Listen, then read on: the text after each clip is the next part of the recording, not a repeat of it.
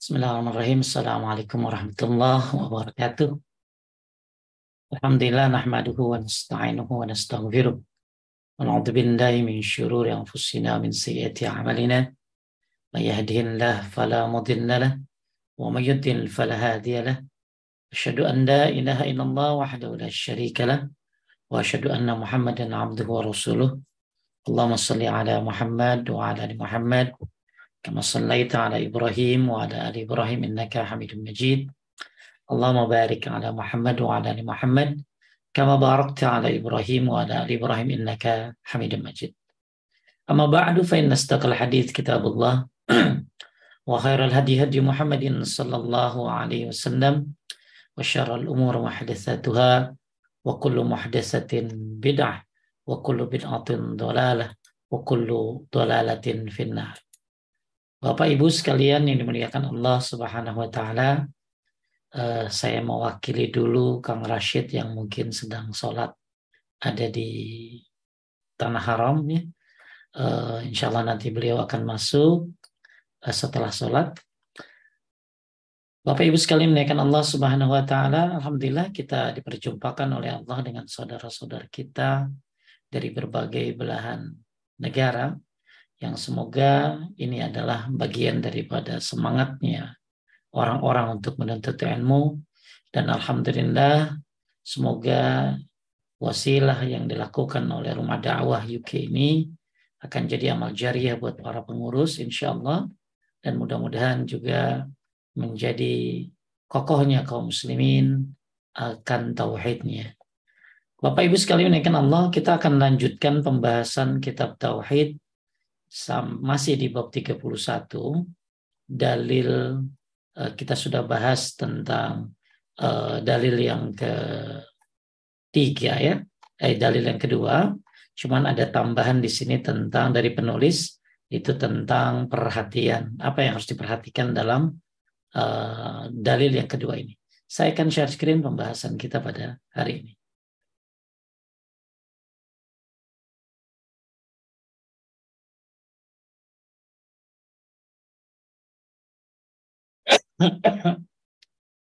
Baik ya, kelihatan ya Bapak Ibu ya.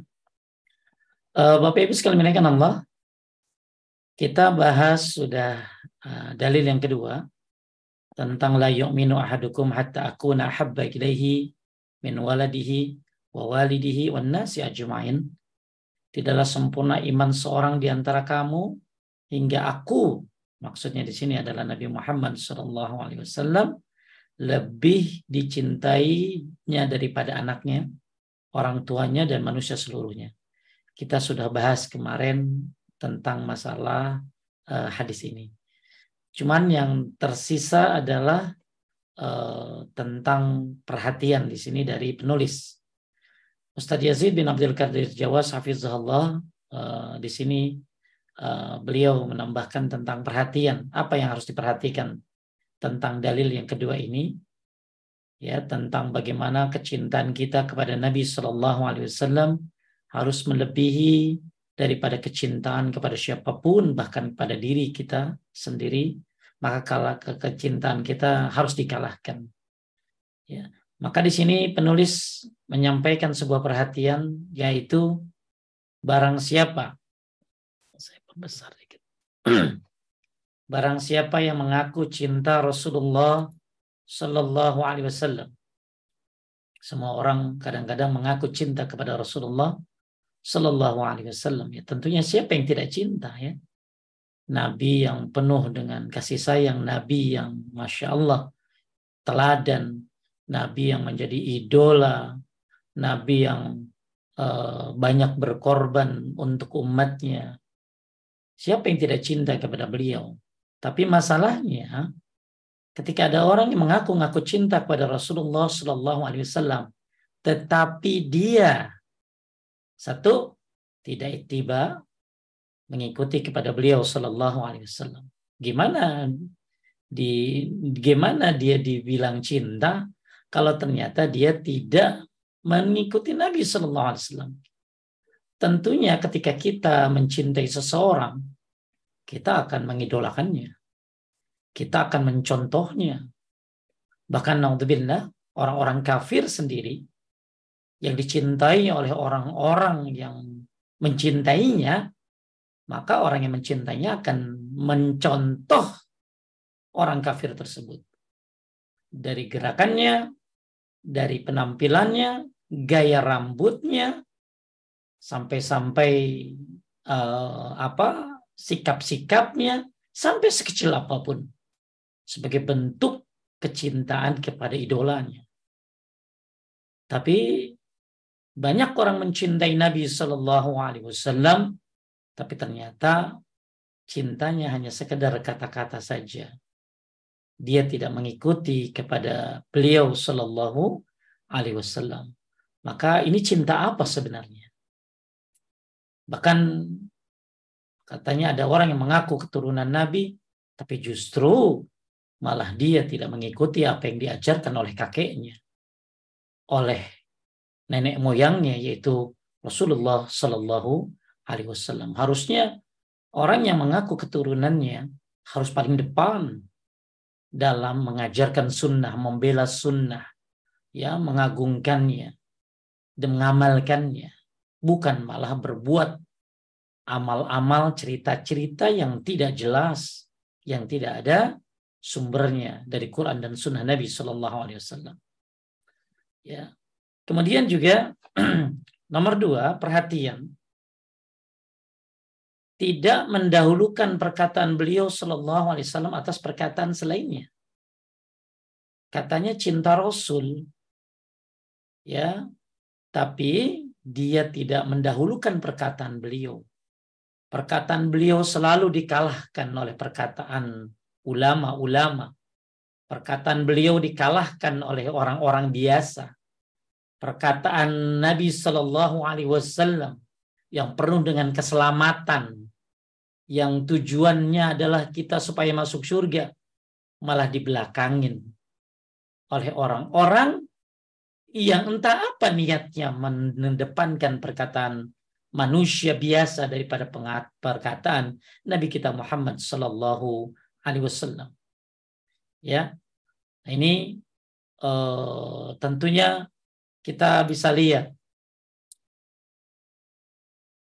di sini ada dalil dari Al-Qur'an surat Al-Hujurat ayat 1. Kita sedang membahas secara luas tentang orang-orang yang menghina, mencela dan tidak menghormati Rasulullah Sallallahu Alaihi Wasallam tapi dia mengaku cinta kepada Rasulullah Shallallahu Alaihi Wasallam. Di antara yang tadi kita bahas, setelah itiba, tidak itiba, kemudian orang ini mendahulukan perkataan makhluk selain Rasulullah Shallallahu Alaihi Wasallam. Pada Allah berfirman di surat Al-Hujurat ayat 1, Ya ayuhalladzina amanu la tuqaddimu baina yadayillah wa rasulihi wattaqullaha innallaha samiun alim.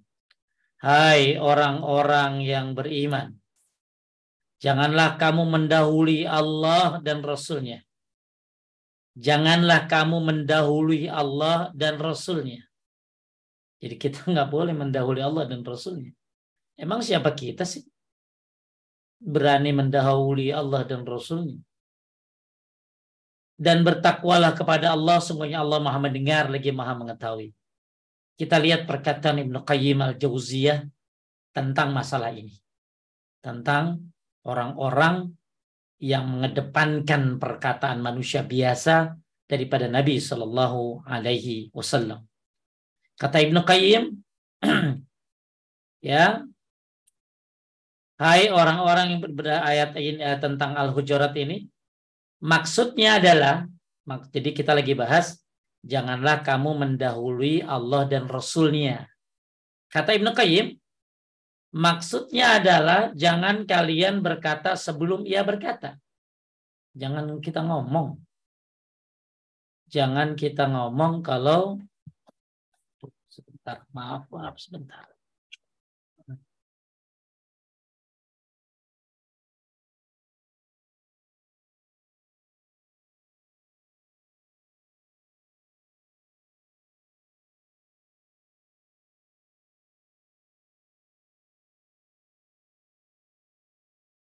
Eh, afwan.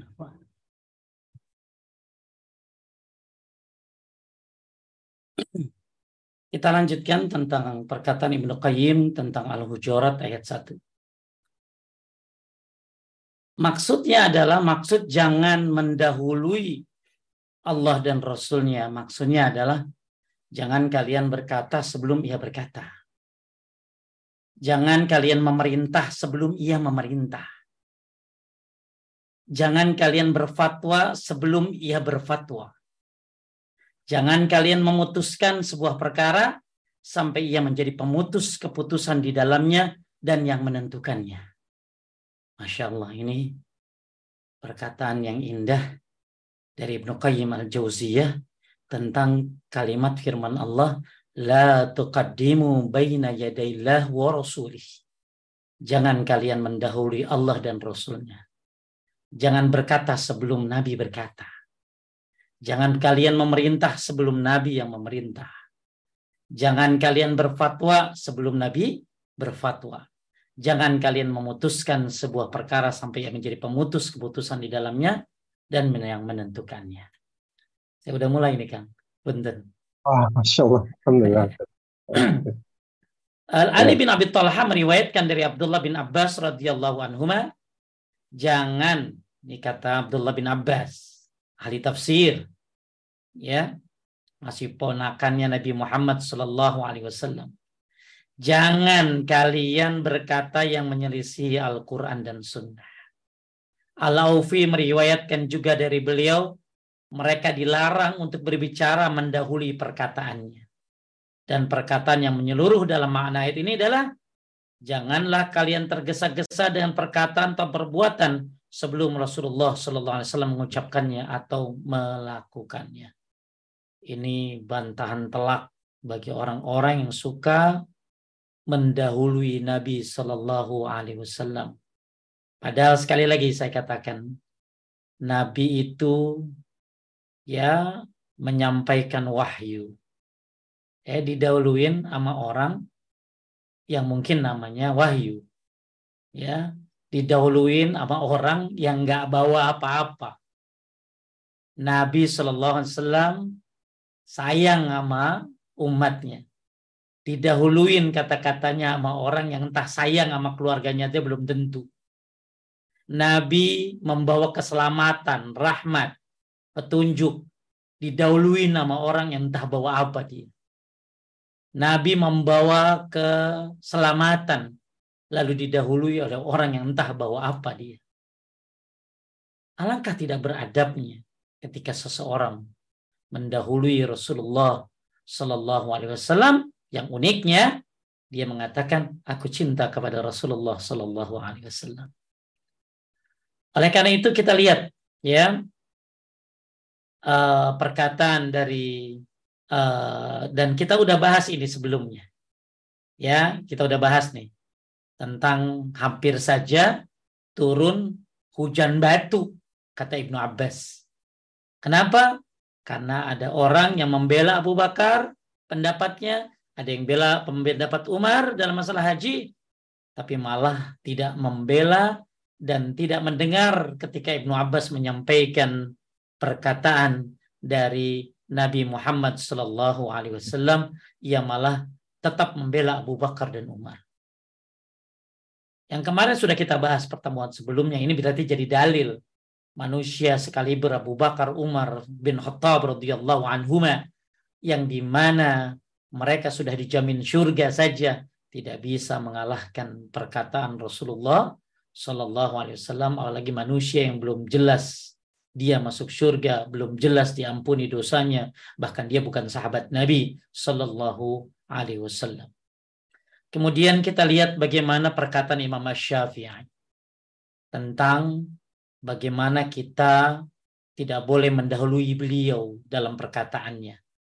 Tahu, tapi Bu minta dibaca Kang Rashid perkataan Imam Syafi'i rahimahullah para ulama. Artinya para ulama bersepakat barang siapa yang telah jelas baginya sebuah sunnah atau ajaran hadis Rasulullah SAW maka tidak boleh baginya untuk meninggalkannya karena perkataan seorang pun. Ini kata Imam Syafi'i. Ya, yang katanya orang mengaku mengikuti Imam Syafi'i, kenapa Anda mendahului perkataan Rasulullah SAW, sedangkan pimpinannya saja, yaitu Imam Syafi'i, melarang. Tidak boleh baginya ya untuk mengam, meninggalkan sunnah ya uh, untuk mendahulukan perkataan manusia dan meninggalkan perkataan Nabi Shallallahu Alaihi Wasallam. Ya, kemudian juga kata uh, Imam Ahmad bin Hambal rahimahullah, beliau mengatakan, boleh kang aku heran? Aku heran terhadap suatu kaum yang telah mengetahui sanad dan kesahihannya, mereka malah pergi kepada pendapat Sufyan atau Sauri, padahal Allah Ta'ala telah berfirman, maka hendaklah orang-orang yang menyalahi perintah Rasul takut akan ditimpa cobaan atau ditimpa azab yang pedih. Tahukah kamu apa itu fitnah atau cobaan? Fitnah atau cobaan itu adalah kesyirikan. Mungkin jika ia menolak sebagian sabdanya, akan terdapat di dalam hatinya sesuatu dari penyimpangan, maka akhirnya ia binasa. Taib. Ya, maka hati-hati kita dapat fitnah. Gara-gara apa? Gara-gara menyelisihi Rasulullah Sallallahu Alaihi Wasallam dan fitnah ini apa? Berjumpa kesyirikan. Ya. Taib kita kembali lagi kepada kitabnya.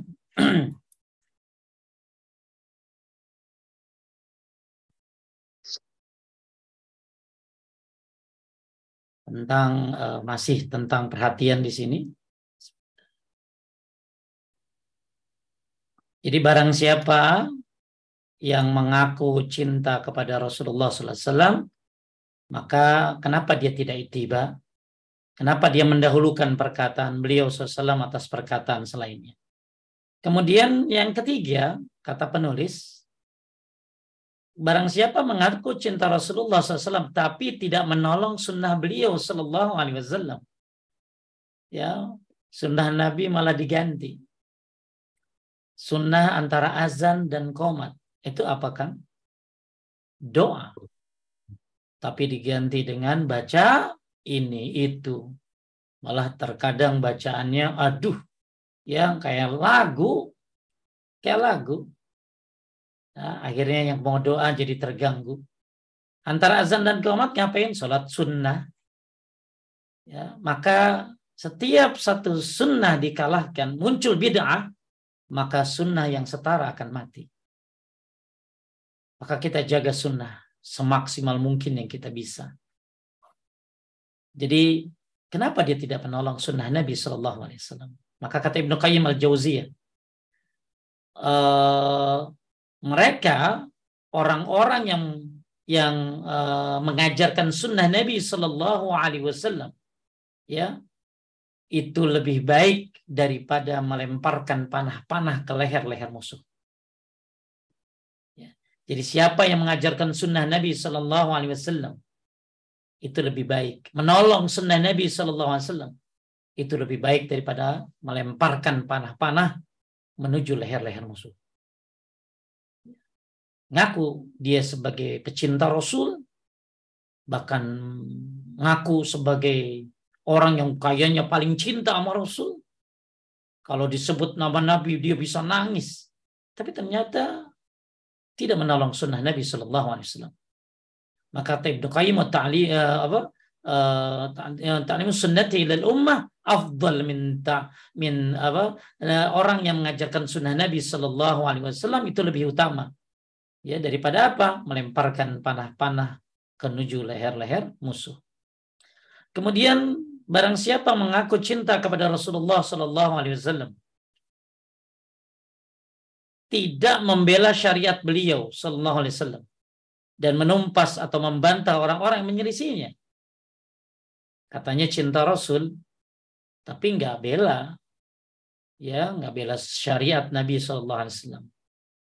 Saya suka lihat kan, ada orang kalau kajian, ustadznya bagus, nah krunya ini bawa ini kang, bawa kamera, bawa laptop, bawa apa lagi kang, bawa laptop, bawa mixer, Duk, taruh di tengah.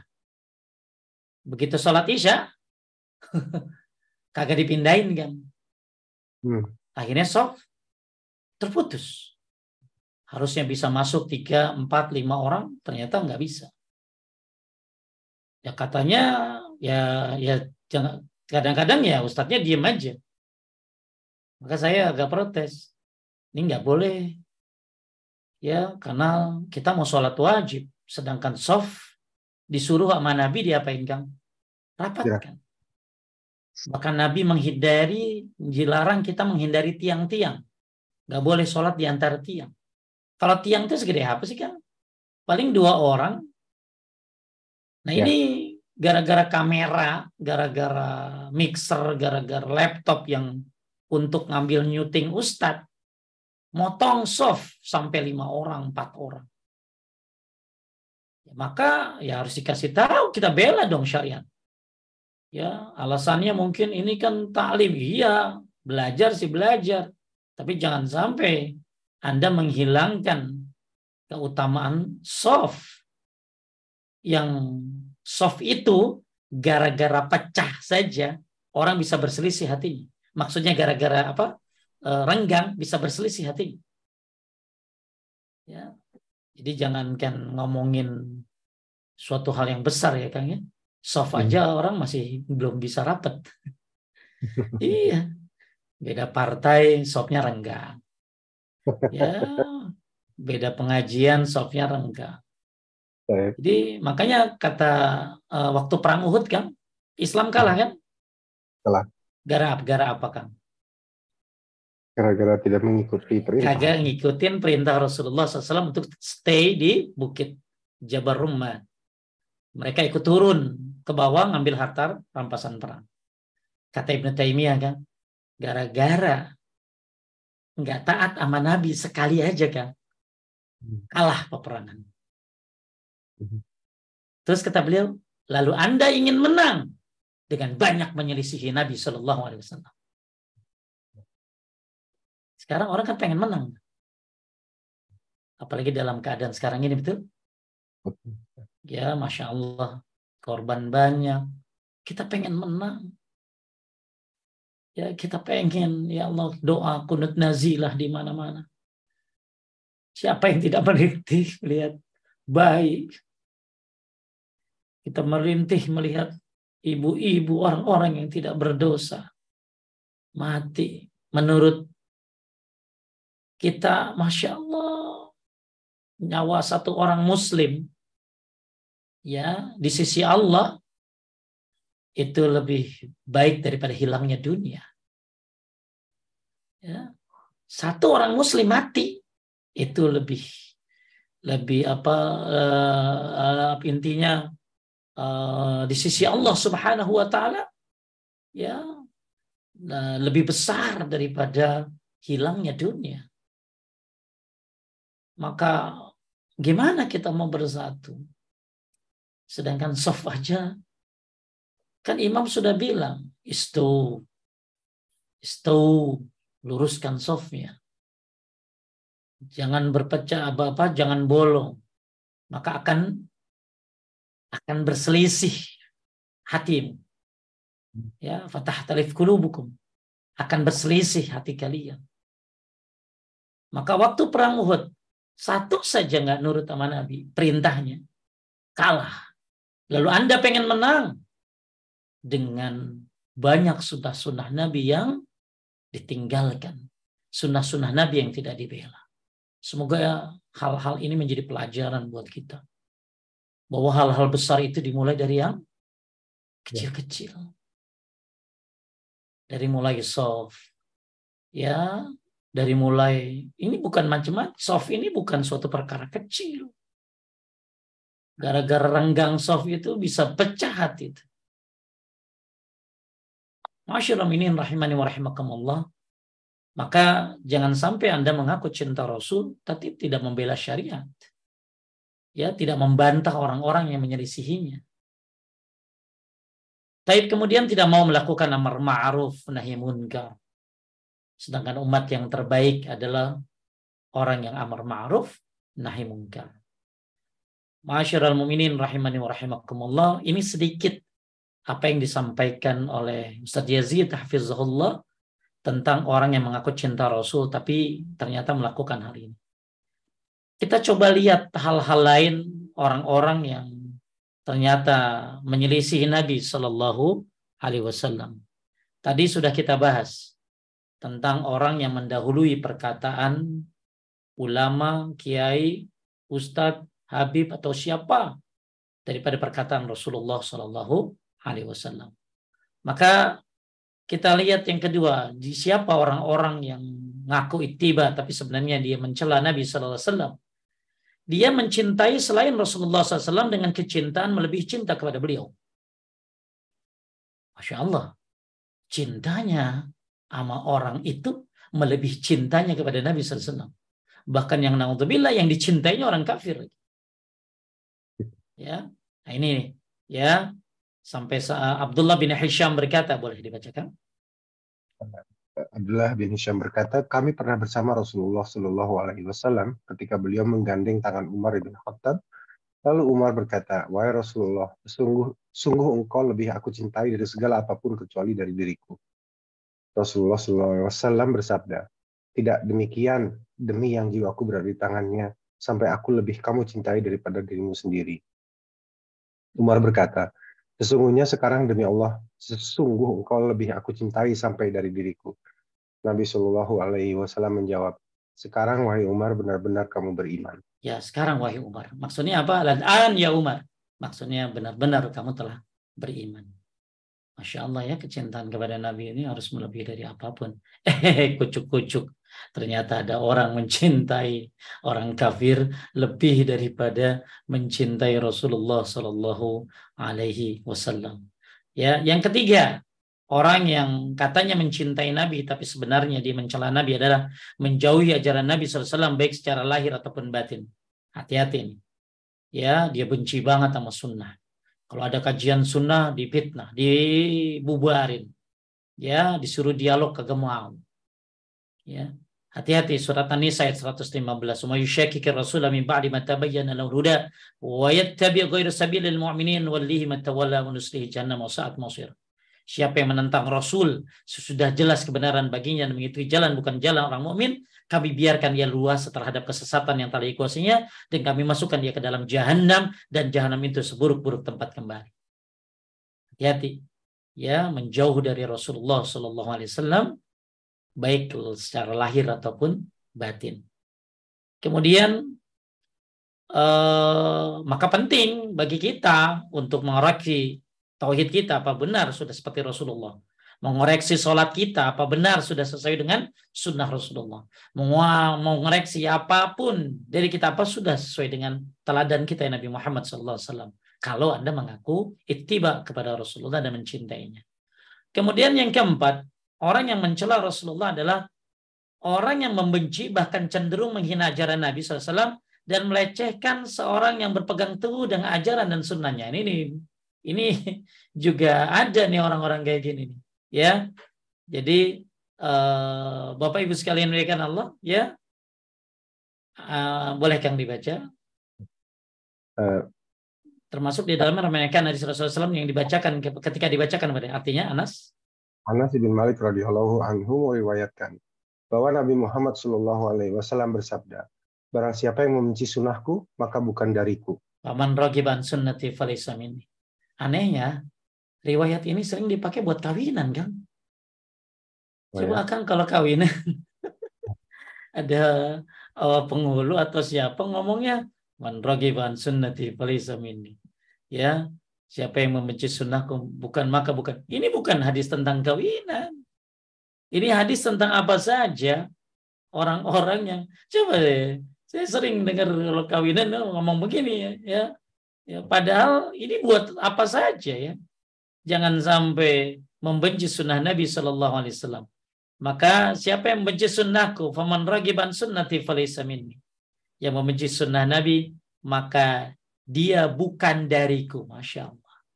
La hawla wa la quwata illa billah. Ya. Membenci tauhid, membenci sunnah, membenci jilbab sesuai syar'i, ya, membenci orang yang berjenggot, ya, celana di atas mata kaki diperselisihkan.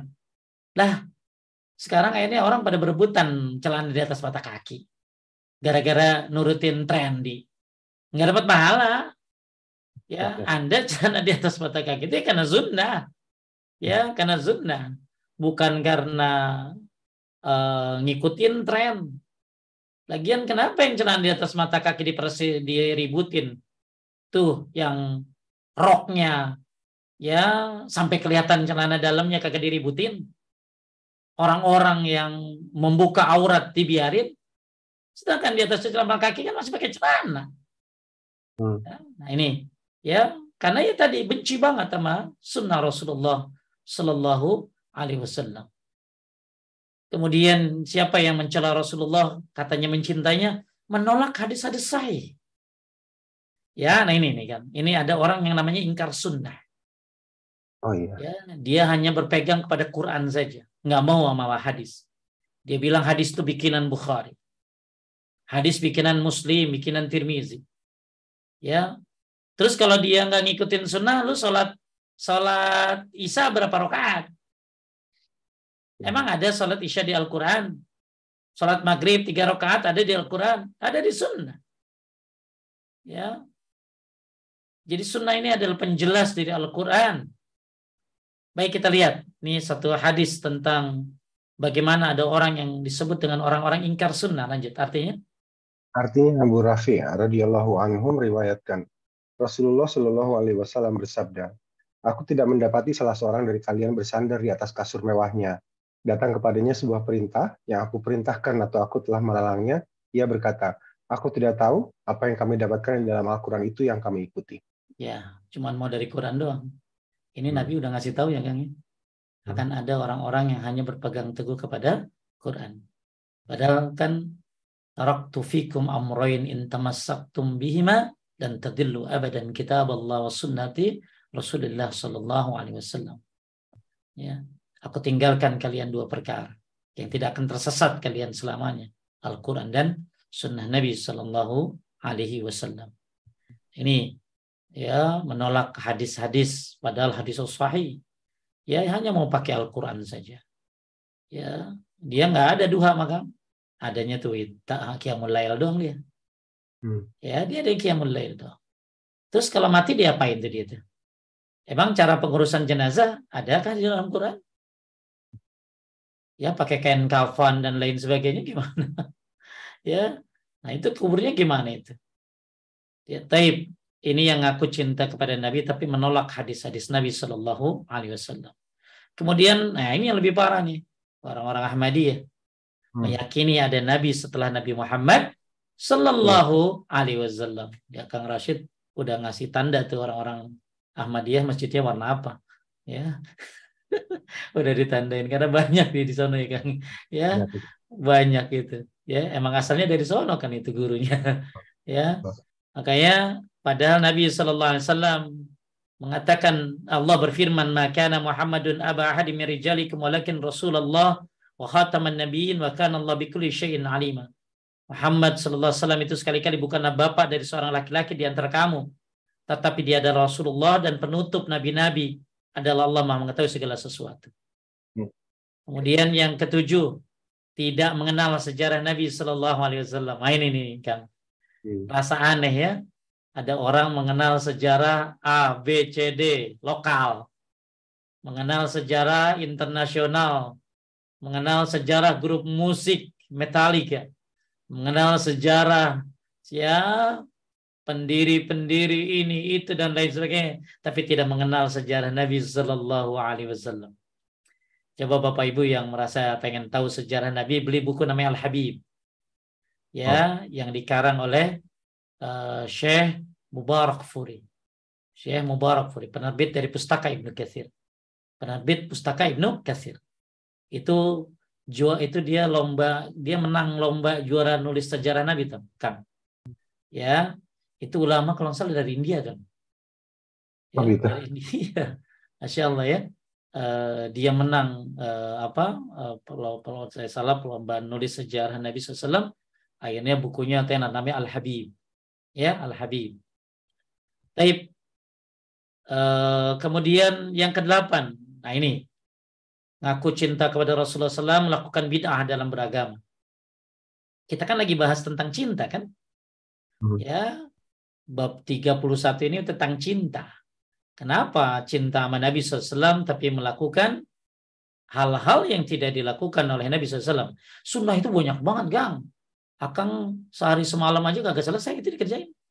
Hmm. Maksudnya gini, udah kagak selesai aja ngapain bikin yang lain? Yang bagus aja banyak yang dari Nabi. Kenapa orang ya? Kalau untuk masalah tas seneng yang original. Masalah mobil seneng yang yang istilahnya wah bagus. Tapi kenapa untuk amal ibadah mereka nggak pernah pernah suka yang bagus. Orang beli rumah pasti dicek. Orang beli mobil ketok-ketok, periksa, ya sampai ada yang nanya, ini yang punya mobil punya anjing nggak? Iya punya anjing ya. Ya, kalau punya yang saya mau cuci joknya. Kenapa untuk masalah hal-hal duniawi orang ngecek luar biasa, tapi begitu datang orang yang ngaku ini amalan ini nggak pernah ditanya tuh, tanya sama ustadznya, ini ada dalilnya kagak? Ya, oh ini mau main terima aja jangan. Ya, hati-hati Anda dianggap orang yang memusuhi Nabi SAW, padahal Anda mengaku orang yang cinta Nabi. Padahal ternyata Anda banyak melakukan bid'ah dalam agama. Kemudian adalah yang selanjutnya, nah ini ya, uh, ini ada perkataan Imam Malik yang bagus banget kan. Lanjutkan, barang siapa? Barang siapa yang berbuat bid'ah di dalam agama Islam yang ia anggap sebagai bid'ah hasanah, maka sungguh ia telah menuduh bahwa Muhammad Wasallam telah mengkhianati risalah. Karena Allah Ta'ala berfirman, hari ini telah kusempurnakan bagi kalian agama kalian. Jadi apa saja yang pada hari ini bukan sebagai agama, maka tidaklah hari ini dia menjadi agama. Taib. Jadi kalau ada orang melakukan bid'ah berarti nganggap Nabi Muhammad nggak amanah kan? Hmm. Padahal agama kan udah sempurna. Berarti Nabi Muhammad menyembunyikan kalau orang melakukan bid'ah. Ya. Maka ini kata siapa? Imam Malik. Imam Darul Hijran, Imam Malik rahimahullah. Beliau mengatakan tadi yang sudah dibaca. Padahal Allah sudah berfirman di surat Al-Maidah ayat kita tiga tentang Al-yawma akmaltu lakum dinakum. Islam sudah sempurna. Kemudian ngaku cinta Nabi. Tidak berselawat. Tapi sukanya salawatan. Ya, salawat itu kan tauqifi. Salawat itu ada dalilnya loh. Salawat itu kenapa orang lebih senang salawat yang nggak ada dalilnya? Ada salawat Jibril kan. Dari mana salawat Jibril? Itu di YouTube. Waduh. Kalau pengen rizki melimpah, baca salawat Jibril. Siapa periwayatnya? Ya. Oh dari Kiai Anu. Emang dia pernah ketemu Jibril gitu? Ada lagi salawat Nariyah. Ya, itu banyak lagi tuh yang baca itu. Nabi katanya ada sahabat Nabi namanya Naria. Cek coba. Sahabat Nabi namanya Naria. Ya. Dan lain-lain. Banyak orang-orang. Malah kita dituduh nggak mau sholawat orang yang salah. Kita nih paling demen orang yang baca. Kita nih paling suka baca sholawat. Tapi sholawat yang ada dalilnya. Seperti sholawat Ibrahim Mia. Kita malah kan ada saya kaget ada salawat namanya salawat covid katanya. Salawat corona. Ya dibikin-bikin aja tuh orang. Ya Nabi udah ngasih salawat tuh ada delapan jumlahnya. Yang paling bagus ya salawat dari Ka'ab bin Ujrah. Itu yang kita kenal dengan salawat Mia. Yang dibaca lagi sholat. Ya. Taib maka jangan sampai kita ngaku mencintai Rasulullah tapi tidak bersalawat. Ini saya tambahkan apa ya dari yang dikatakan oleh Ustaz Yazid bin Abdul Qadir Jawas. Ya. Kemudian inilah sembilan tentang eh, orang-orang yang kata yang mencintai Rasulullah tapi sebenarnya mereka menjauh dari Rasulullah Sallallahu Alaihi Wasallam. Tapi kita akan lanjutkan kepada pembahasan uh, selanjutnya.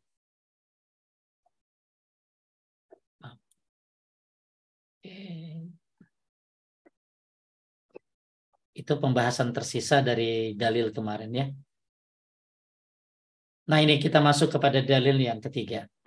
Al Bukhari Muslim meriwayatkan dari Anas radhiyallahu anhu beliau berkata Rasulullah SAW bersabda Salasun man kunna fihi wajada bihinna halawatal iman an yakuna Allah wa rasuluhu ahabba ilaihi mimma siwahuma wa an yuhibbal mar'a la yuhibbuhu illa lillah wa an yakrahu an ya'uda fil kufri bada iz anqazahu Allah minhu kama yakrahu an yukzafa finnar dalam riwayat lain, la yajidu ahadun halawatal iman hatta seterusnya.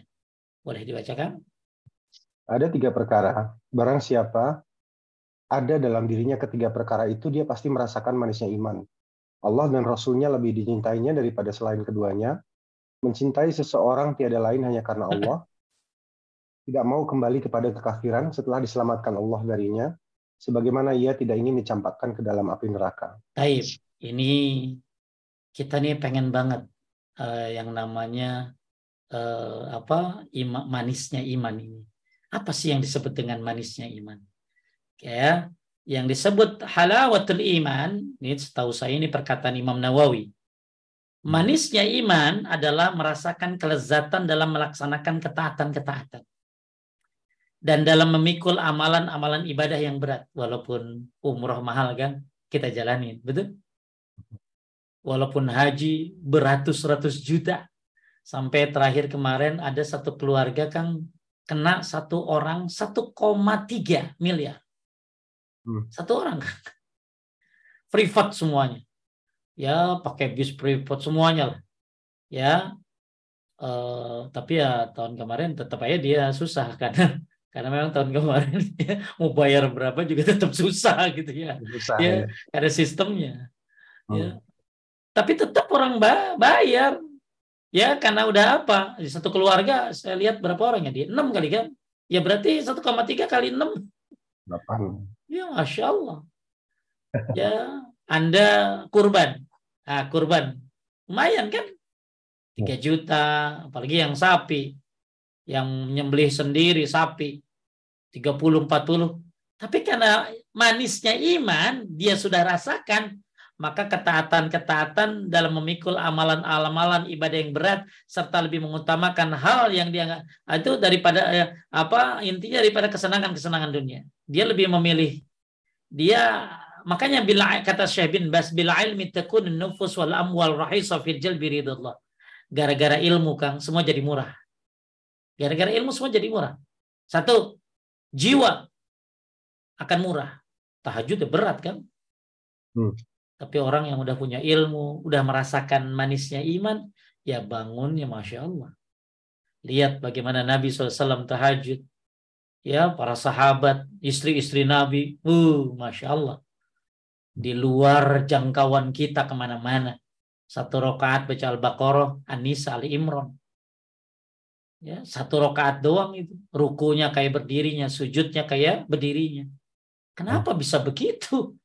Karena sudah mendapatkan manisnya iman. Karena ilmu juga. Maka bila ilmi takun nufus wal amwal rahis. Gara-gara ilmu, harta jadi murah, jiwa jadi murah. Hmm. Kurban akan dijabanin kalau orang yang udah merasakan manisnya iman dan punya ilmu. Ya, sapi 30 40 juta dia akan beli. Umroh, haji, apa pun dia akan lakukan. Sampai yang di Prancis itu kayaknya yang pakai jilbab kan suruh ngapain so? Ada oh, iya. seorang pengusaha ya? Denda, denda Ustaz, didenda kalau pakai. Ya, ini. itu dia yang bayarin denda-dendanya betul. Oh. Ya, dia yang bayarin denda-dendanya, masya Allah. Dia bayarin denda-denda orang-orang yang pakai jilbab didenda dia yang bayarin. Hmm. Ya bahkan juga ada orang Indonesia di UK kalau ada orang meninggal dia yang bayarin katanya Kang ya. Ya, Alhamdulillah temannya temannya Kang Rashid. Ya masya Allah. Ya mudah-mudahan Allah istiqomahkan. Ya Allah berkahi rezekinya. Katanya kalau orang meninggal di UK 100 juta bayar ya Kang ya. Ya harus ya, kurang lebih kurang lebih 100 juta nggak tahu tuh biaya apa. Ya uh, masya Allah ya ada ibu-ibu yang membiayai begitu kan masya Allah. Nggak ada kata berat kalau orang udah merasakan manisnya iman. Ya makanya eh, ketika seseorang sudah merasakan manisnya iman, dia akan melaksanakan ketaatan-ketaatan dan dalam memikul, memikul amalan-amal ibadah yang berat serta lebih mengutamakan hal-hal itu daripada kesenangan-kesenangan duniawi. Bahkan mungkin ya mobil-mobilnya bisa dia jual ya. Dulu siapa tukang yang orang Australia yang kena kanker. Oh iya. Dia ya dia sampai menjual semuanya. Orang-orang pengen punya Ferrari, dia menjual Ferrari buat naruh ke Afrika biayanya, biaya sekolahan, buat hmm. air dan lain sebagainya. Ya, karena dia mau meninggal kali ya. Ya, hmm. tapi juga sudah merasakan pentingnya ya manisnya iman. Ya. Oleh karena itu, coba kita lihat yang disebut manisnya iman seperti apa yang disampaikan oleh ulama. Kalau tadi baru dari siapa tadi? Imam Imam Nawawi. Kita lihat ini tadi nih ya makna manisnya iman kata Imam Nawawi yang diikut eh, yang dikutip. Nah, sekarang kata Syekh Utsaimin, boleh kan? Yang berkata ya, yang dimaksud. Ya. Saya Utsaimin rahimahullah berkata, yang dimaksud manisnya iman di sini yaitu bukan seperti manisnya gula atau madu, tetapi manis yang lebih besar dari semua rasa manis. Rasa manis yang didapati oleh seseorang di dalam hatinya, kelezatan yang tidak setara dengan apa pun. Yang mendapati? Ia mendapati kelapangan dalam dadanya cinta kepada kebaikan, dan cinta kepada orang-orang yang berbuat baik. Nah, Inilah orang-orang yang sudah mendapatkan manisnya iman, maka semuanya ya eh, apa tadi amal-amal ibadah berat pun jadi ringan. Jadi rasa manis itu bukan rasa manis biasa, tapi rasa manis ini adalah kelezatan. Kelezatan dalam apa? Kelezatan dalam ibadah kelapangan dadanya. Masya Allah lapang dadanya. Ditipu 2 miliar, lapang dadanya. Masya Allah. Saya ada jamaah ya mau ditipu 2 miliar malah dia tolongin yang nipu Kang keluarganya. Saya mau biayain kan itu anak-anaknya yang karena mungkin di penjara dia ya. Saya, dia mau dia mau biayain anak-anaknya yang nipu itu, masya Allah. Ya, ini orang kalau udah merasakan manusia iman, ya cinta kepada kebaikan. Ya, ini nih. Jadi manis di sini bukan manis kayak gula atau madu kata Syusaimin. Ini lebih daripada semua rasa manisnya. Manis yang ada di hatinya. Kelezatan dalam ibadah. Lapang dadanya. Cinta berbuat pada kebaikan dan bahkan cinta sama orang-orang baik. Ya. Oleh karena ada satu lagi ya. Nah, ini nanti ini perkataan dari Syekh bin Salih Al-Utsaimin tentang masalah apa yang disebut dengan manisnya iman. Tapi kita kembali lagi ke kitab syarah kitab tauhidnya.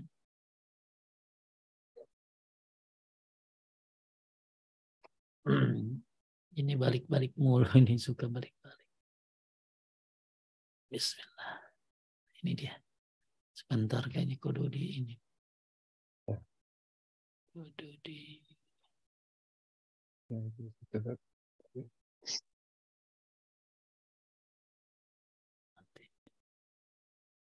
Raw.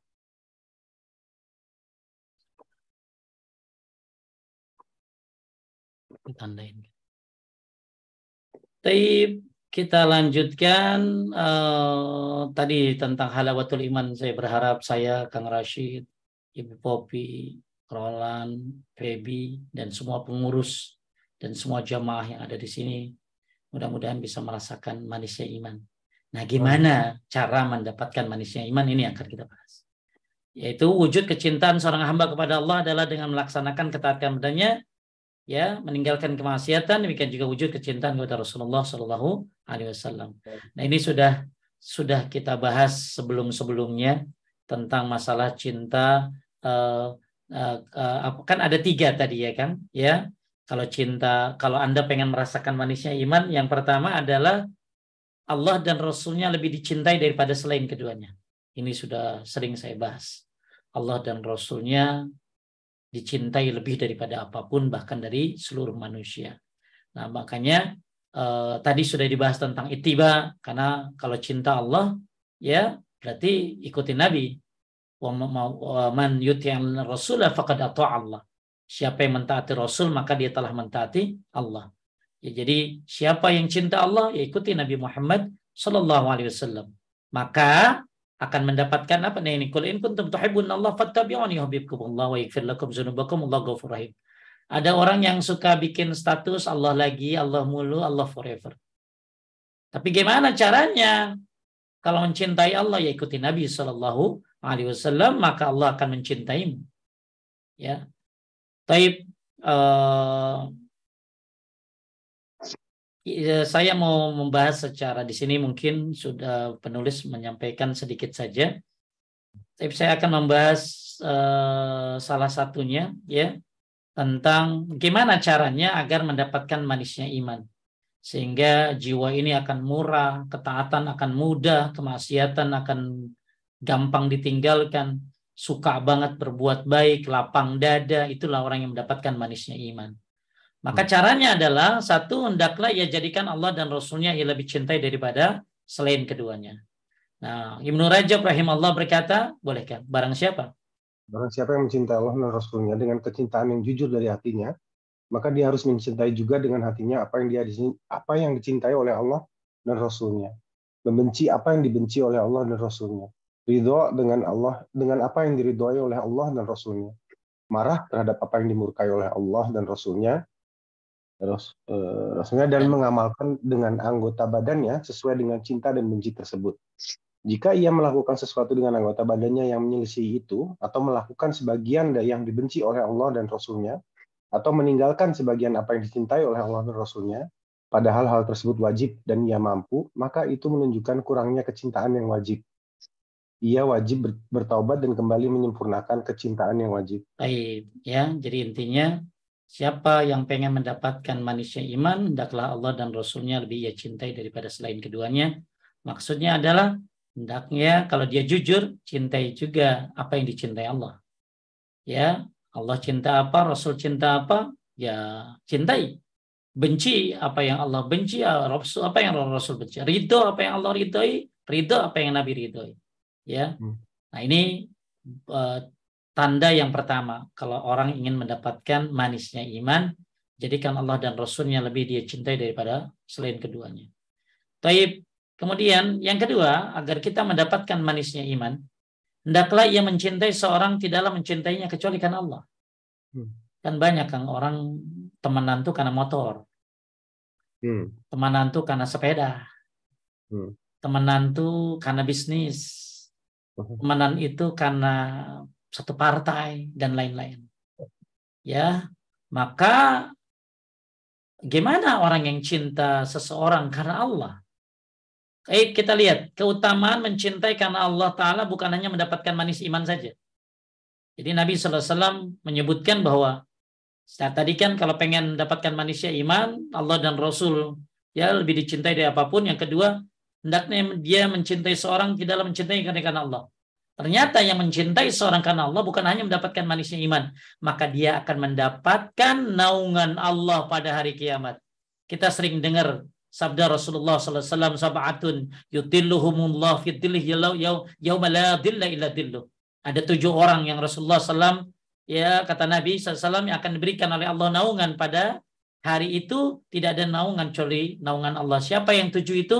Di antaranya adalah rajulani tahabba fillahi ijtama alaihi fatafarraqa alaihi. Dua orang yang saling mencintai karena Allah, berkumpul karena Allah, benci pun karena Allah. Nah, di sinilah salah satu orang siapa yang mencintai seseorang karena Allah, maka dia akan mendapatkan manisnya iman. Nah sekarang itu keutamaannya. Keutamaan mencintai orang lain karena Allah. Bukan hanya manusia iman saja tapi dalam dapat naungan Allah. Nah sekarang bagaimana mencintai seorang karena Allah Ta'ala? Boleh Kang dibaca. Mencintai.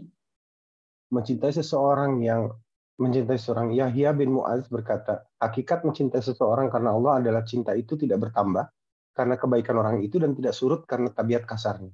Ah, jadi kalau cinta karena Allah itu kan ya dia memang benar-benar jadi kalau orang itu ngasih hadiah nggak bertambah cintanya emang udah cinta memang kadang-kadang kan kita cinta karena orang itu ngasih hadiah hmm. ya lagi ngasih motor gede ya oh. cinta banget gitu tuh ya ya apalagi kalau ada orang ngasih motor mobil listrik cinta banget gitu nih Ya, jadi kecintaan kita sama orang itu emang udah cinta. Dia mau ngasih hadiah mau kagak, itu udah cinta. Itu cinta karena Allah.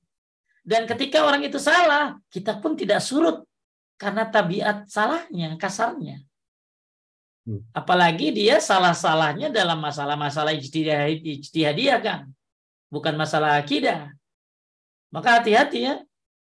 Ini dalam masalah ijtihadiyah, ijtihadiyah ya lo witir baca apa lu? Saya kalau witir baca kulhu, rokaat ketiga baca kulhu, falak anas. Wow, nggak benar. Yang benar kulhu doang. Oh kita nggak udah nggak semana haji. Masya Allah. Gara-gara masalah itu, ah, itu kan ya Anda boleh ya baca di kelas doang, Anda boleh baca di kelas kulhu falak anas. Hmm. Ya lu lu kunut kan lu? Ya gue sih kunut. Yang kata Imam Syafi'i kan ada riwayatnya juga. Wah Hmm, kita aku membenci muka Allah. Sah, nggak bisa begitu. Itu masalah-masalah ijtihadiyah. Ya, lain lagi kalau masalah aki, akidah. Maka jangan sampai hal-hal yang masalah ijtihadiyah, akhirnya gara-gara ini kita berantem. Jadi jadi gimana mencintai seorang karena Allah itu? Nah, ini bagus kata Yahya bin Muaz nih. Mencintai seorang karena Allah adalah cinta itu tidak bertambah karena kebaikan orang itu. Kang hmm. Rosid mau ngasih apa, kagak ngasih apa sama saya, ya nggak akan bertambah karena saya udah cinta kan gitu. Jangan sampai gue cinta banget sama lu dah. Ya, kenapa? Habis kan lu mau bawain gue oleh-oleh mulu. Ya. Sampai-sampai kalau ke rumah gue lu kan mencet belnya pakai hidung. Emang kenapa pakai hidung? Karena bawa bawa, bawa bekal banyak gitu loh. Jadi susah udah banyak kan bekalnya kan pakai hidung ini. Ya. Jadi Bapak Ibu sekalian menaikkan Allah, betapa sekarang banyak orang mencintai seseorang karena dia suka ngasih hadiah, karena dia selalu berbuat baik. Maka cinta seseorang kepada Allah, uh, mencintai seseorang karena Allah itu, Anda tidak bertambah cintanya walaupun dia ngasih apa pun. Dan tidak surut cintanya walaupun orang itu melakukan kesalahan. Kesalahan yang selama bukan prinsipil. Ya, berikan unsur sama saudaramu. Ada orang nanya sama Ustadz Badrul Salam begini kan. Tapi jawabannya bagus ya. Saya pertanyaan kan ada dia bacain pakai itu kan apa? Pakai kertas ya. Saya suka lihat orang yang sudah ngaji sunnah, tapi kalau nguap nggak ditutup. Ya, maksudnya tuh orang apa sih udah ngaji sunnah kalau nguap kagak ditutup? Kata Ustadz Badrul Salam gini kan, antum jangan suka cari kesalahan orang. Berikan uzur buat saudaramu. Oh, mungkin orang itu lupa. Oh, mungkin saking ngantuknya. Oh, mungkin tangannya lagi sakit. Berikan seribu alasan untuk saudaramu. Jangan terlalu kesalahan. Jadi, kalau ada saudara kita yang salah, ya berikan uzur sama dia. Oh, mungkin, mungkin. Nanti nah terus Anda ngobrol nggak? Kasih tahu nggak? Antum kalau nguap nggak ditutup, besti. Ya, oh, oh iya ya, lupa gue ah, selesaikan masalah. Ya, kadang-kadang orang tuh ya mandang orang tuh udah jelek aja semuanya. Nah ini ya, jadi kalau ada saudara-saudara kita yang melakukan kesalahan-kesalahan yang bukan kesalahan-kesalahan yang prinsip berikan uzur. Bisa jadi oh mungkin dia lupa. Oh oh oh gitu. Ya, tapi nggak salah kalau seringnya lupa ya kita kasih tahu siapa tahu memang belum punya ilmunya. Ya. Nah, ini ada perkataan yang indah dari Syekh Abdul Qadir Al-Munawwir dalam kitab Al-Jami, uh, Jamil Kabir tentang bagaimana orang yang disebut mencintai seseorang karena Allah. Boleh kan? Beliau menyebutkan? Eh, di mana tadi? Beliau menyebutkan bahwa yang dimaksud dengan mencintai karena Allah, membenci karena Allah artinya mencintai seseorang karena ketaatan dia kepada Allah, karena agama. Semakin seorang dekat kepada Allah, semakin agamanya bagus, semakin ia soleh, semakin ia mengikuti Rasulullah SAW dan para sahabatnya, semakin ia menjauhi perbuatan maksiat kepada Allah, semakin kita cintai karena Allah. Sebaliknya, semakin dia memaksiati Allah, semakin ia berbuat maksiat kepada Allah, maka semakin kita benci benci dia karena Allah. Baik ya jadi yang dimaksud mencintai seorang karena Allah itu ya tadi mencintai karena ketaatannya bukan karena duitnya Hmm. Ya bukan karena orang dalam dia kan. Ya, bukan karena banyak koneksinya. Kenapa lu cinta sama dia karena Allah? Ya karena dia soleh, karena itiba kepada Rasul. Ya, dia juga meneladani para sahabat ya dan lain sebagainya jauhi kemaksiatan maka kita mencintai saudara kita karena Allah itu seperti itu. Bukan karena harta benda dan lain sebagainya. Taib sekarang gimana kalau ada orang bilang sama Kang Rashid? Kang Rashid hmm. uhibbuk fillah. Aku mencintaimu karena Allah. Saya pernah Kang agak gelagapan dulu. Lagi saya waktu di Mekah awal-awal saya datang ke Mekah itu saya kan bingung mau kajian di mana gitu. Ya akhirnya saya datanglah ke Masjidil Haram. Waktu itu saya ngontrak ngontrak karena mungkin baru datang kan ngontraknya di hotel ya. Masih bergaya karena duitnya masih ada gitu ya. Ya masih bergaya ngontraknya di hotel. Saya ingat banget datang jam 12 malam di Jeddah sendirian ya. Nekat pengen belajar ke Mekah. Sampai-sampai lah wala quwata illa billah di Mekah itu saya bingung ketakutan gitu loh. Karena ada orang ngasih tahu hati-hati ya kalau jalan malam-malam gitu. Alhamdulillah sampai ke Mekah saya bingung nyari tempat di mana belum ketemu sama teman-teman. Akhirnya saya hmm. cari hotel. Nah, saya belum tahu tempat kajian-kajian yang bagus. Akhirnya saya bingung ya udahlah datang aja ke Masjidil Haram. Ngajilah sama Syekh ya uh, apa uh, saya Muhammad Ajilan, saya lupa antara Syekh Muhammad Ajilan atau Syekh Abdurrahman Ajilan. Itu adik kakak yang ngajeng di Masjidil Haram. Adik kakak hmm. ngajar kajian di Masjidil Haram. Hmm. Ya akhirnya saya duduk. Tapi pas saya duduk berapa lama, saya beres kajiannya. Ya, wah udah selesai. Nggak terlalu lama saya duduk, selesai. Lalu ada orang kan, karena ngelihat saya mungkin apa bengong atau bingung nyari kenalan ya orang itu datang ke saya kan mau dia ngomong pakai bahasa Arab mau nggak saya kasih tahu kajian yang lebih bagus yang lebih apa intinya pokoknya kajian yang bagus lah gitu hmm. nah saya kan orang baru kan takut sama orang yang baru kenal hmm.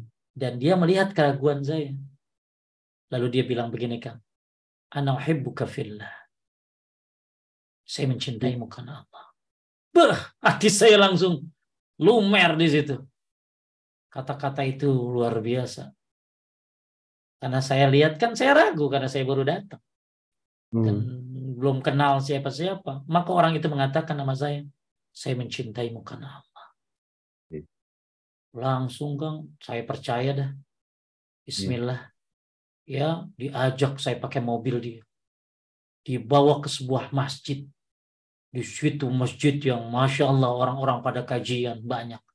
Di situlah saya kenal seorang syekh namanya Syekh Ali uh, Syekh Ali uh, Ali Adam bin Musa al orang Afrika, ya seorang syekh yang ahli hadis, ahli tafsir dan lain sebagainya, masya Allah. Terus pulang saya dianterin lagi ke hotel, kemudian ditawarin ke rumahnya untuk makan. Ya, nah ini masya Allah kalimat Ana uhibbuka fillah adalah mudah-mudahan tidak ada yang menodai kalimat ini.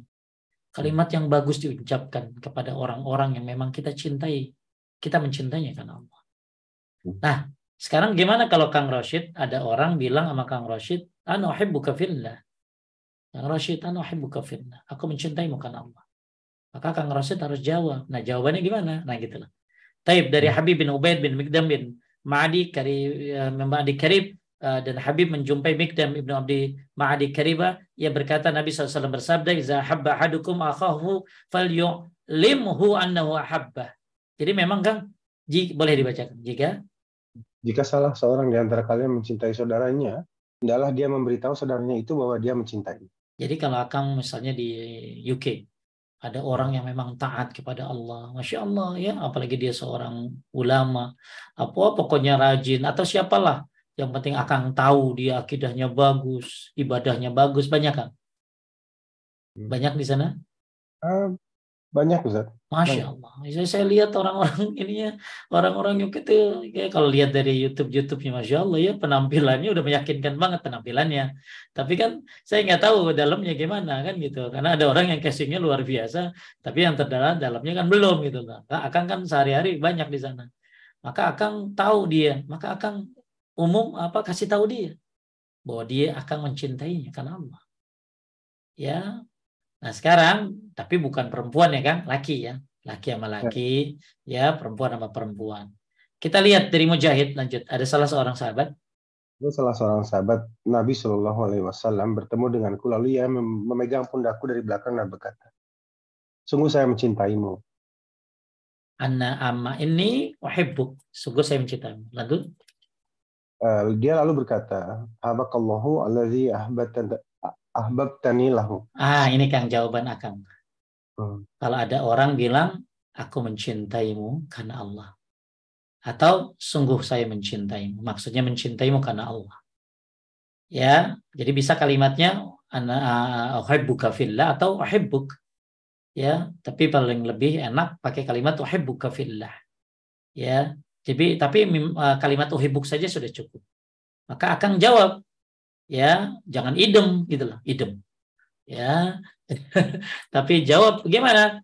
Uhib uh, ahabbakallah alladhi ahbabtani lahu. Semoga Allah yang membuatmu mencintaiku turut mencintai. Masya Allah. Ini kalimat yang jarang. Ini termasuk sunnah yang jarang nih kan.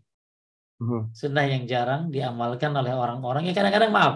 Kita tuh kalau ngelihat orang-orang yang belajar apa yang yang soleh-soleh, yang rajin ke masjid, masya Allah, ya, apalagi selalu di sop terdepan, akhlaknya baik, kajiannya masya Allah banyak sana sini. Apalagi dia juga kadang-kadang pengusaha dan lain-lain. Kita suka salut gitu lihat orang kayak gitu. Maka kalau kita memang mencintai dia karena Allah katakan ahi buka fillah. Saya mencintaimu karena apa nah kita jawab deh ahabbakallahu alladhi ahbabtani lahu semoga Allah yang membuatmu mencintaiku turut mencintai ini mudah-mudahan bisa dihafalin ya kalau ada yang bilang begitu. Ya. Tapi kebanyakan ini sunnah yang memang jarang orang ini. Dan saya juga waktu ditanya di Mekah sama yang orang baik itu, saya nggak bisa jawab kan. Hmm. Saya diam aja. Karena saya belum tahu sunnah ini. Ya, kalau saya tahu, saya jawab ahabbakallahu alladhi ahbabtani lahu. Ya. Taib, dia berkata uh, lanjut. Eh, dia berkata, kalau sekiranya Rasulullah Shallallahu Alaihi Wasallam tidak bersabda, jika seorang pria mencintai saudaranya, hendaklah dia memberitahu bahwa dia mencintainya. Maka tentulah ucapanku, ucapanku tadi tidak kuberitahu kepadamu. Dia lalu menyodorkan sebuah lamaran kepadaku sambil berkata, kami memiliki seorang budak perempuan, dia buta sebelah matanya. Silahkan engkau mengambilnya. Baik, ya. Tapi yang lagi kita bahas tentang kalimat ini. Ya, bapak-bapak, ibu-ibu, Jangan STJ kan. Ibu-ibu jangan ngomong begitu. Uhti anti STJ deh. Apa tuh? Sister Tiljana. Cila ya. Jangan begitu ya. Atau apa kalimatnya ya. Nanti takutnya STMJ ya. Susu telur madu jahe. Jadi bagusnya ya kalimat tadi. Ya. Uhti ya anak hibbuka au hibbuki fillah. Nah, itulah perempuan sama perempuan ya bagusnya. Hmm. Kalau sama, sama laki ya jadi fitnah nantinya. Ya, taib. Uh, coba Kang, saya nih kan masya Allah ya. Saya bilang sama Kang Rosid nih ya. Kang Rosid, anak hibbuka fillah. Jawab Kang. Ahabakallahu alladhi ahbabtani lahu. Masya Allah, Alhamdulillah. Ya, inilah persaudaraan yang luar biasa. Bukan karena jabatan, bukan karena harta, bukan karena satu hobi, bukan karena satu partai, tapi karena Allah Subhanahu wa taala, maka kita akan mendapatkan naungan Allah Subhanahu wa taala dan akan merasakan manisnya iman. Ya. Nah, Taib. Uh, kemudian tadi jawabannya ya. Nah, ini ya uh, kita yang ketiga sekarang. Yang ketiga adalah supaya orang mendapatkan manisnya iman setelah yang pertama mencintai Allah dan Rasulnya lebih dari apa pun. Yang kedua mencintai saudaranya karena Allah. Yang ketiga hendaklah ia benci untuk kembali kepada kekafiran sebagaimana ia benci kalau dirinya dilempar ke dalam neraka. Ini kita benci banget balik ke masa lalu, betul? Setiap orang punya masa lalu. Maka setelah Anda bertobat, Anda hijrah, memperbaiki diri, memperdalam tauhid, belajar sunnah, maka bencilah untuk kembali ke masalah. Jangan berangan-angan. Lewatin diskotik, ngayal. Coba gue belum hijrah ya, mampir kali. Nah ini orang kagak kagak kagak ngepek ini tobatnya karena masih punya harapan untuk balik. Coba ya, gua belum ini, gua buang, gua kepake jilbab, joget kali gua paling depan. Ya, ya. Maka hendaklah kita benci kepada kekafiran sebagaimana kita ben, uh, sebagaimana lari dari ke dalam api. Kita benci banget sama kekafiran-kekafiran. Maksudnya kita benci dengan perbuatan-perbuatan kekafiran-kekafiran atau kita nggak mau balik ke masa lalu. Ya. Nah, ada satu faedah yang bagus penafsiran dari Abdurrahman bin Nasir As-Sa'di mengenai kisah Nabi Yusuf. Ya, apa maksud daripada benci untuk kembali kepada kekafiran ini apa maksudnya? Kalau tadi kan kita maksudkan oh kita nggak mau kembali ke masa lalu, masa jahiliyah. Nah, ada kata Yusuf alaihissalam, Yusuf alaihissalam maaf, memilih penjara daripada terjerumus dalam maksiat. Ini menunjukkan bahwa jika seorang dihadapkan pada dua pilihan antara memilih berbuat maksiat ataukah mendapatkan siksa dunia, hendaklah ia memilih mendapatkan siksa dunia supaya ia selamat dan dari terjerumus dos dalam dosa yang akhirnya mendapatkan siksa di dunia maupun di akhirat. Oleh karena itu di antara tanda iman, tanda iman adalah manisnya iman tadi adalah seorang benci kepada kekufuran setelah Allah menyelamatkan darinya sebagaimana ia tidak suka jika dilempar dalam api. Misalnya akan dikasih pilihan. Ya, pilihan pilih sholat apa apa apa rapat. ya, nah orang-orang masih susah ada tuh. Aduh hmm. Pak Ustadz, meeting ya, ya rapat. Nah kalau anda memang pengen merasakan manisnya iman, ah mendingan gua sholat. Karena ada orang gara-gara rapat kagak sholat. Sampai itu si bapak sholatnya di jamaah Hmm. gara-gara rapat tuh. Taib. Jadi uh, maksud daripada hendaklah ia benci untuk kembali kepada kekafiran sebagaimana ia benci dilempar ke dalam api kata Syekh Nasir Sa'adi adalah maksudnya kalau kita dikasih dua pilihan kayak Nabi Yusuf tuh ya milih hmm. mana? Ya milih ya uh, apa? Uh, milih berbuat maksiat atau mendapatkan siksa dunia?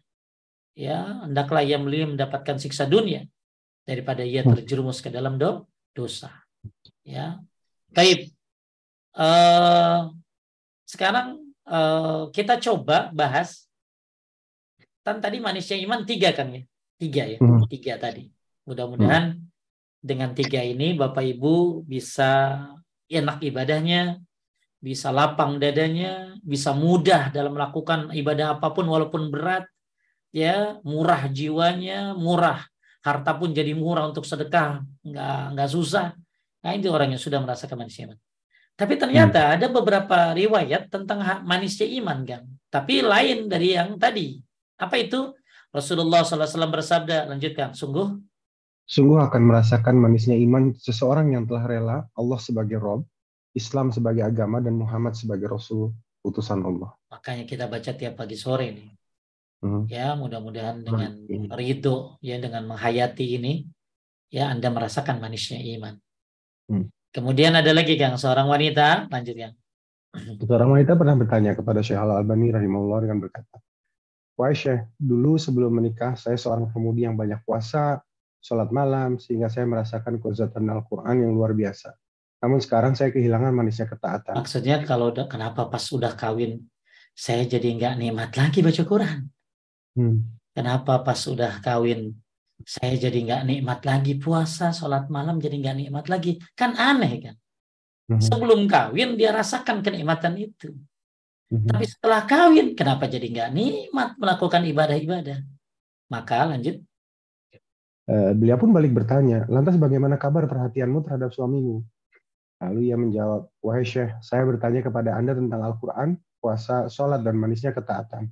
Namun Anda malah malah bertanya kepadaku tentang suamiku. Jadi saya malah nanya, e, bagaimana kabar perhatianmu terhadap suamimu?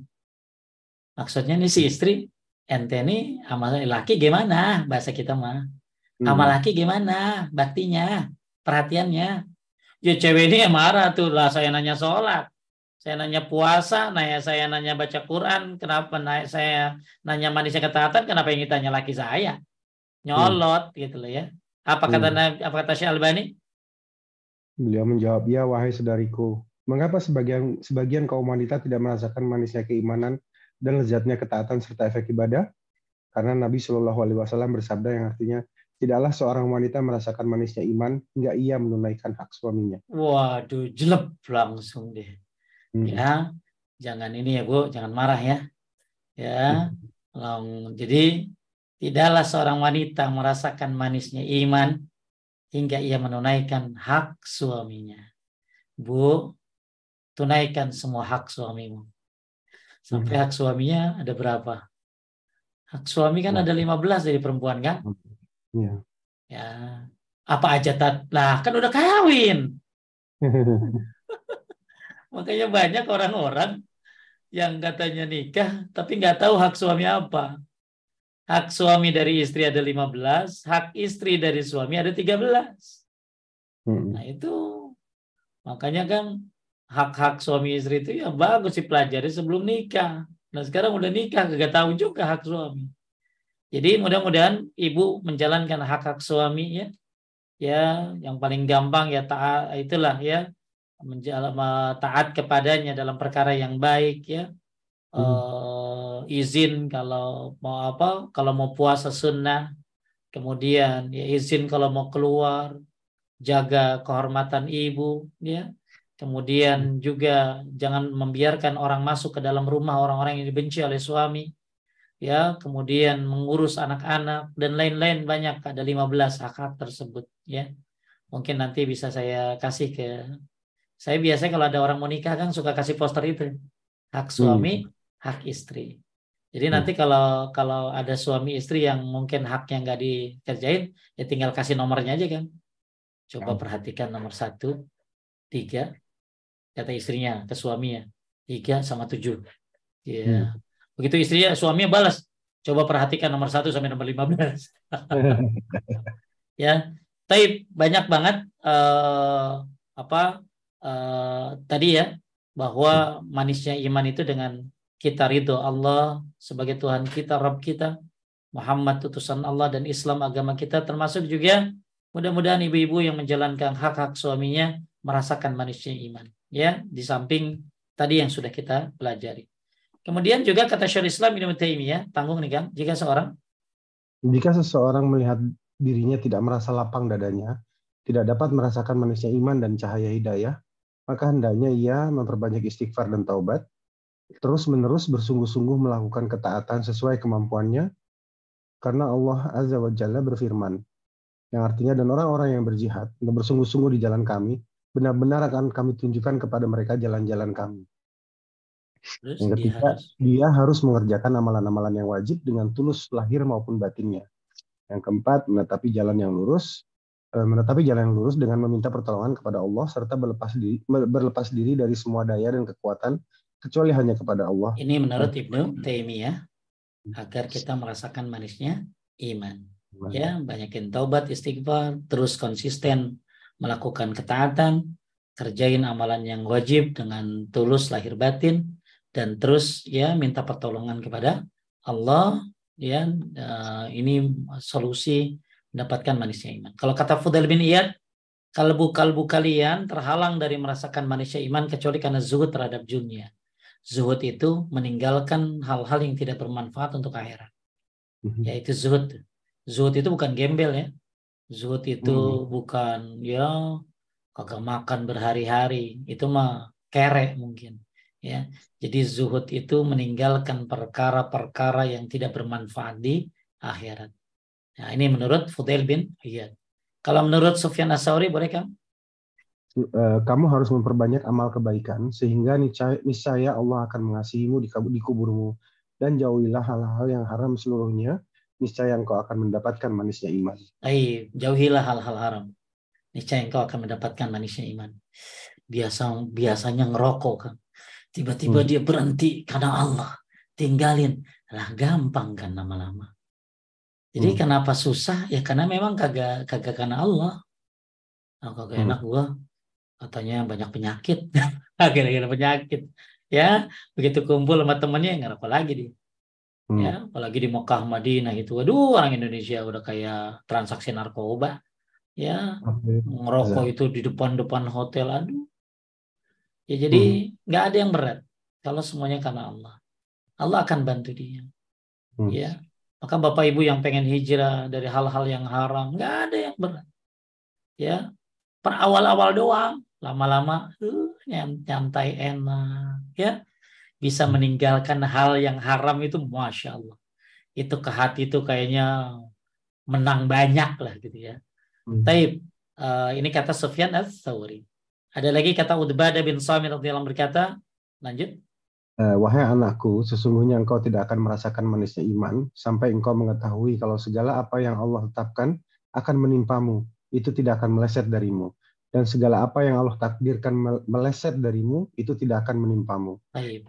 Nah, ini. Jadi ini termasuk uh, apa pun yang sudah Allah takdirkan nggak akan meleset. Ini termasuk akan merasakan manisnya iman. Maka kalimatnya apa? Qadarullah wa hmm. masya'a fa'ala. Ya itu jangan hanya sekedar qadarullah. Ya, masya Allah ya orang bisa begitu tuh merasakan manisnya iman ya. Ya terakhir ya nah, ini kata Imam Ahmad, aku beribadah kepada Allah selama 50 tahun, tapi aku tidak mendapatkan manisnya ibadah sampai aku meninggalkan tiga perkara. Aku tinggalkan mencari ridho manusia hingga aku mampu mengatakan yang benar. Aku tinggalkan pertemanan dengan para pendosa hingga aku berteman dengan orang-orang saleh. Aku tinggalkan manisnya dunia hingga aku mendapatkan manisnya akhirat. Ini kata Imam Ahmad agar mendapatkan manisnya iman atau manisnya ibadah. Bapak Ibu sekalian menaikkan Allah, ya banyak sekali yang akan saya bahas tapi waktunya sudah uh, mepet ya. Uh, hmm. Mungkin ada pertanyaan tentang hmm. hadis. Tadi kita bahas tentang hadis uh, apa tadi, Kang? Hadis tentang uh, masalah uh, bagaimana mendapatkan manisnya iman. Hmm di antaranya adalah tadi sudah kita ini mencintai Allah dan Rasulnya. Karena ini kan bab cinta. Ya, maka hmm. kita bahas uh, tentang masalah cinta kepada Allah dan Rasulnya lebih didahulukan dari siapa pun. Kemudian mencintai saudara karena Allah. Kemudian benci untuk kembali kepada kekafiran sebagaimana dia tidak ingin dicampakkan ke dalam api neraka. Kemudian tadi sudah kita bahas siapa orang-orang yang ngaku cinta Nabi padahal sebenarnya dia tidak cinta Nabi. Taib. Masya Allah. Alhamdulillah. Jazakallah khairan Ustaz. Ini eh, saya ingatkan yang ingin bertanya langsung silahkan resen nanti kita akan beri kesempatan. Ini ada dua pertanyaan Ustaz untuk malam ini saya share screen. Bismillahirrahmanirrahim. Yang pertama nih Ustaz. Assalamualaikum Ustaz. Eh, terkait dengan peristiwa di Gaza, beredar secara berantai untuk mengumpulkan mengumpulkan bacaan Alfil jutaan kali untuk menahan serangan dari Zionis. Jangan berhenti meneruskan pesan tersebut. Apakah ini termasuk syirik atau bid'ah? Ini WA zaman dulu, lagi perang dulu, hmm. kemudian disebarin lagi. Hmm. Ya uh, intinya ya orang ngepas ngepasin kan, ngepas ngepasin ya uh, apa kan alfil itu pasukan burung ya uh, yang katanya burung ababil hmm. ya termim bicara min sijil fajalum ke aspim ma'akul jadi itu uh, saya tidak temukan kalau itu uh, bagian daripada hal yang uh, hal yang memang uh, ada dalilnya dari Nabi Shallallahu Alaihi Wasallam. Saya rasa cukupkan dengan doa dan doanya malah lebih bebas kan, benar? Hmm. Doanya lebih bebas kan kunut nazilah, bukan kunut twitter, bukan juga hmm. kunut subuh. Doanya banyak ya, banyak doanya. Ya, ya minta supaya Allah minimal ibu bisa doa Allah Allah masallimna wal muslimin wansurhum.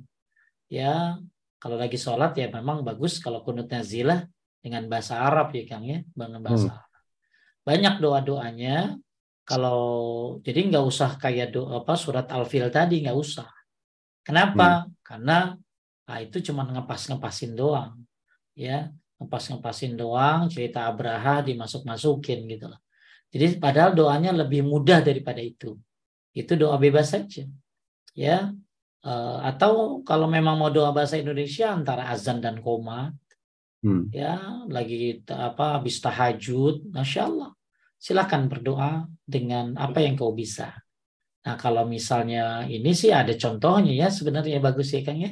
Ada contohnya gimana Pak Ustadz doanya? Contohnya. Nah, coba nanti kita cari. Contoh-contoh doa yang sudah jadi ya. Ya ya. dan di masjid saya imamnya tuh ada ada empat ya? Empat itu udah pada kunut nazilahnya apa udah tiap hari kunut nazilah itu ya udah dari hari Jumat itu. Kemudian jadi emang doa adalah senjata senjata kita senjata orang-orang soleh senjata orang-orang tertindas maka jangan remehkan doa walaupun sedikit ya karena doa ini adalah senjata Bahkan eh, hal yang sudah terjadi ya, doa yanfa mimma nazala wa mimma lam yanzil. Doa itu bermanfaat baik yang sudah terjadi ataupun yang belum terjadi. Semoga dengan Bapak doa Bapak Ibu Allah mudahkan kaum muslimin di sana insya Allah. Amin. Ya. Baik, saya lanjutkan. Pertanyaan kedua nih. Uh, Assalamualaikum Ustaz. Waalaikumsalam. Uh, apa Ustaz? Minta nasihat. Bagaimana kita menghadapi sohib yang tajir yang sangat sangat banyak memberi materi kepada kita tanpa pernah kita meminta. Namun saya itu sering sekali membuat hati ini perih. Apa Ustaz? Bukan karena baper itu realitas secara status ekonomi sangat timpang. Eh, mohon nasihatnya Ustaz. Baik. Hmm, masalahnya adalah eh, ini kan sohibnya baik banget kan. Hmm. Baik banget. Ya.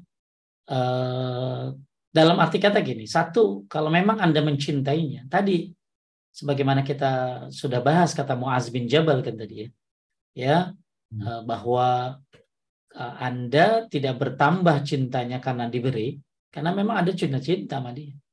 Dan tidak hmm. berkurang cintanya karena dia nggak ngasih gitu. Maksudnya ketika dia punya kesalahan, kita bersabar. Nah cuman ketika dia ngasih kan enak kan.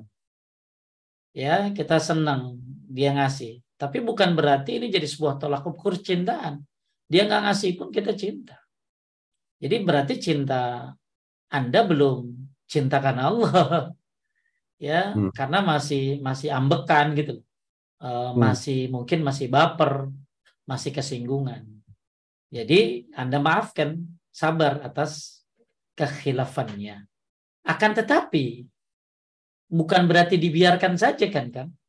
Harus hmm. ada dakwah kan tadi siapa yang mencintai Rasulullah Sallallahu Alaihi Wasallam harus amar ma'ruf nahi munkar. Anda kasih tahu dong sama dia. Kasih tahu apa? Ya lewat ngobrol ringan, lewat status, lewat ayat-ayat Quran yang ada posting di grup, hadis tentang kalau sudah ngasih nggak boleh mengungkit, ungkit. Nah saya nggak tahu apakah dia mengungkit pemberiannya atau menyakiti. Ya, oke, okay. dia nggak ngungkit pemberiannya Pak Ustadz. Dia hanya nyakitin saya, perasaan saya. Ya. Nah, berarti Anda harus lihat apakah ini kesombongan atau bukan. Jadi bukan berarti kita karena mencintai dia karena Allah ini kita diam baik dia salah ya nggak bisa tuh. Kita kasih tahu ya karena takutnya karena biasanya orang-orang yang suka ngasih itu kan suka punya sifat agak meremehkan yang dikasih. Sehingga akhirnya dia merasa di atas angin, akhirnya berbuat semena-mena gitu. Nah ini hmm. takutnya dia si yang ngasih ini punya sifat sombong, sedangkan sifat sombong ini bahaya banget. Ya nggak akan masuk surga orang yang punya, walaupun setitik daripada kesombongan. Ya Anda hmm. harus kasih tahu. Nah masalahnya karena Anda sering dikasih, berani nggak ngasih tahu. Makanya orangnya kalau Anda sudah sering dikasih dan Anda cinta sama Allah dan gak ada hubungannya ngasih dia itu dengan kecintaan Anda, Anda harus kasih tahu. Ya. Tinggal kata-katanya yang bagus. Afwan. Bro. Hmm. Uh, ah, gue cinta lu karena Allah. Ada beberapa hmm. hal yang kita harus selesaikan. Saya akan hmm. bicarakan. Nah, masalah ini. Mungkin dia begitu karena nggak tahu eh tiba-tiba malah marah, maki-maki dan lain sebagainya. Ya, kalau Anda ikhlas, kata Syul Saimin, akan berefek keikhlasanmu walaupun dia marah. Mungkin minggu depan atau kapan dia mikir, benar juga dia ya. Ya, hmm. benar juga dia. Taib, itu saran saya. Ya, sambil Anda doakan lagi sujud sebelum salam terazan dan komat waktu mustajab supaya dia dapat hidayah. Ya, kalau memang Anda mencintainya karena Allah Subhanahu wa taala. Lanjut. Baik, Afwan Ustaz, sebelum dilanjutkan mungkin untuk malam ini kita batasi dua lagi pertanyaannya Ustaz. Uh, jam 17.13. Baik. Uh, ini Mas yang tadi Afwan. Nggak ketemu. Assalamualaikum. Kalau kita melaksanakan sunnah Nabi dari yang empat imam madhab ajarkan itu, maka imam yang mana yang paling cocok untuk kita Ustaz? imam yang paling mendekati sunnahnya kepada Nabi Shallallahu Alaihi Wasallam. Makanya kalau pertanyaannya begitu, bagusnya dia beli kitab namanya kitab Sahih Fikih Sunnah ala Mazhabir Arba'ah yang sudah diterjemahkan. Pustakanya penerbit Imam Syafi'i kalau nggak salah. Ya, jadi beli buku Fikih Empat Mazhab nanti dari halaman 1 sampai 100 kalau nggak salah kan itu pembahasan tentang bagaimana cara memilih. Jadi sebenarnya kesimpulannya kadang dalam satu kasus Asyafi bagus. Dalam kasus lain Ahmad lebih bagus dalilnya. Kasus lain Malik lebih bagus. Kasus lain Abu Hanifah lebih bagus. Kadang Syafi'i Ahmad sama-sama sepakat. Kadang Malik sama Ahmad sepakat, Syafi'i nggak sama ini kan. Nah ini. Jadi gimana kita ngambil mana Pak Ustadz? Kita lihat dalilnya. Nah. Kita lihat dalilnya. Mana yang mendekati ke kebenaran. Nah kalau kita kan nggak mampu, misalnya saya kan cuma pelajar Pak Ustadz, nggak ngerti, saya mau cuma dengerin doang. Kalau misalnya memang Anda nggak ngerti, maka saya kasih solusi tadi. Dalam masalah apa Anda bingung? Maka kalau di buku yang tadi saya bilang ya, uh, Fikih hmm. Empat Mazhab karya Abu Malik Kamal Said Salim. Ya, itu bukunya ada lima jilid uh, terjemahnya. Kalau aslinya cuma tiga jilid. Tiga, hmm. tiga, lima jilid, nanti akan dikasih solusi di situ. Kan? Yang lebih mendekati kebenaran. Nah, kan enak kan. Sebenarnya tugas kita tuh tinggal tinggal kita nggak usah neliti lagi sebenarnya karena udah ada peneliti dari orang-orang yang lebih berilmu dari emang di bidangnya. Maka misalnya kasus A, oh Syafi'i ini pakai dalil A, uh, Ahmad pakai dalil B, Abu Hanifah pakai dalil C, Malik pakai dalil D. Nah, kata beliau, menurut saya yang cocok, yang sesuai lebih dekat kepada kebenaran yang B misalnya. Oh, Abu Hanifah misalnya. Ya, tapi dalam nah itu dia kasih jalan keluar kan tapi didukung dengan dalil-dalil yang menunjangnya. Kenapa lebih cocok, lebih bagus gitu loh. Jadi imam-imam ini kan jalan, bukan sebuah keharusan. Emang Abu Bakar mazhabnya apa? Kan nggak ada. Ya, emang uh, sahabat tabiin tabiin tabiin itu mazhabnya apa kan? Belum. Hmm. Ya, maka kita uh, kembali kepada uh, sumbernya yaitu Quran dan hadis. Nah, karena kita orang awam, tadi saya sarankan kalau untuk masalah-masalah fikih beli buku itu, ya supaya kita diarahin sama orang yang ngerti. Allah a'lam. Lanjut.